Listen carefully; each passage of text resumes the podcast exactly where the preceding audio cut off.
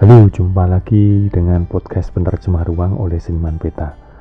Kali ini saya ingin membahas mengenai penulisan abstrak, bukan tentang peta atau keruangan. Karena kurang lebih lima tahun terakhir sering mendapatkan tugas untuk e, membimbing student dalam penulisan skripsi, kemudian artikel ataupun proposal lomba-lomba yang mereka ikuti, terutama lomba karya ilmiah. Sebenarnya materi ini ada di mata kuliah metodologi penelitian. Tapi kebanyakan kalau yang uh, masih baru ya, student yang masih baru dan ikut lomba itu kan belum mendapatkan mata kuliah metodologi penelitian. Seringkali mereka terkendala. Di saya membuat podcast ini agar nanti ketika ada yang bingung menulis uh, abstrak, bisa saya minta untuk mendengarkan podcast ini aja. Sebenarnya abstrak ini sederhana sekali ya. Ada beberapa bagian penting yang tidak boleh terlupakan. Bagian yang pertama tentu saja judul. Ini mencerminkan dari keseluruhan artikel yang sedang atau proposal yang sedang ditulis atau yang di apa ya yang ingin disampaikan. Setelah judul, kemudian ada identitas penulisnya atau penelitinya. Kemudian dilanjutkan dengan afiliasi dan uh, juga kontaknya. Kontak ini biasanya dituliskan dengan mencantumkan nama emailnya saja, di alamat emailnya. Nah, saya sering menegur ketika student memakai email personalnya ya, apa itu namanya tidak jelas itu. Misalnya cute bla bla bla, Gmail atau apa gitu. Kelihatan tidak profesional. Nah, sebaiknya untuk abstrak ini kontaknya ya ke alamat email yang jelas. Kemudian ya jangan yang uh, namanya aneh-aneh. Karena sangat terlihat bahwa ini ditulis oleh orang yang kurang profesional, kurang meyakinkan gitu loh. Nah, setelah uh, bagian awal ini selesai, baru dilanjutkan pada bagian Eh, latar belakang. Latar belakang dari abstrak ini berisi ya tentang permasalahan serta hal-hal yang dihadapi oleh peneliti. Termasuk di dalamnya adalah tujuan dari penelitian yang dilakukan. Tidak perlu panjang-panjang, ini uh, tiga kalimat atau empat kalimat saya rasa sudah cukup jelas asalkan bisa memilih kata-kata atau kalimat yang tepat. Setelah bagian latar belakang ini bagian selanjutnya adalah metode.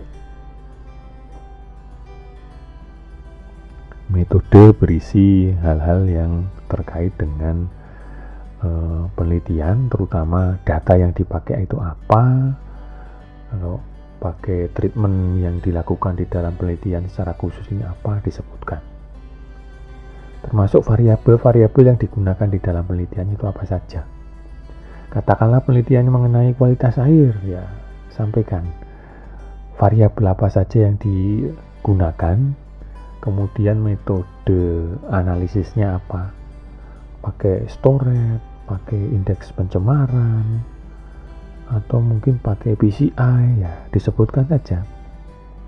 Kalau ini terkait dengan penelitian keruangan ya disebutkan data spasial yang dipakai apa saja. Kalau pakai citra satelit Sentinel 2A ya dituliskan saja. Datanya citra satelit Sentinel 2A perekaman tanggal berapa lokasinya di mana. Setelah bagian metode ini disambung dengan bagian uh, hasil penelitian. Jadi setelah menjabarkan soal metodenya, kalimat berikutnya membahas mengenai hasil penelitiannya. misalnya eh, tadi terkait dengan kualitas air ya disampaikan hasil pengukurannya berapa. Kemudian setelah dianalisis eh, ketemunya bagaimana? Apakah kondisi kualitas airnya tercemar atau tidak tercemar itu juga disampaikan. Kalau tadi penelitiannya spasial pakai citra Sentinel 2A misalnya tadi pakai metode NDVI karena topik penelitiannya mengenai uh, biomas ya juga disampaikan. Uh, dari hasil pengolahan citra tadi didapatkan nilai NDVI berapa saja baru di kalimat berikutnya disambung dengan bagian kesimpulan jadi setelah menyampaikan mengenai hasil penelitian baru disambung dengan kesimpulannya.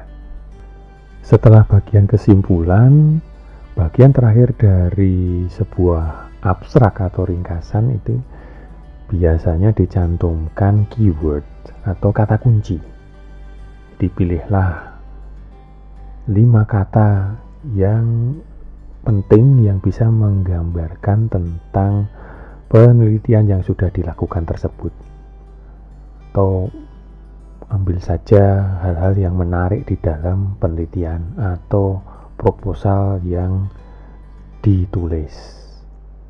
Kalau tadi topiknya terkait uh, kualitas air bisa dicantumkan di kata kunci mengenai kualitas air kalau tadi menggunakan citra Sentinel 2A ya salah satunya di dalam keyword ini ya dicantumkan Sentinel 2A gitu.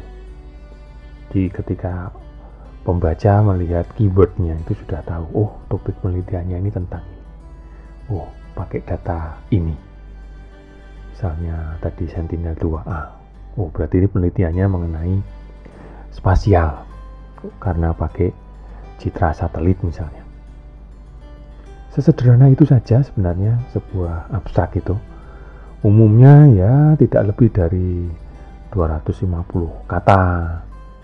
Beberapa jurnal malah membatasinya cuma antara 150 sampai 200 kata. Kalau misalnya untuk ringkasan di skripsi ya misalnya ya sampai 300 kata sih saya pikir tidak masalah ya misalkan tidak lebih dari satu halaman. Seperti itu aja yang ingin saya sampaikan. Mudah-mudahan ada manfaatnya. Jumpa lagi di podcast selanjutnya. Dadah.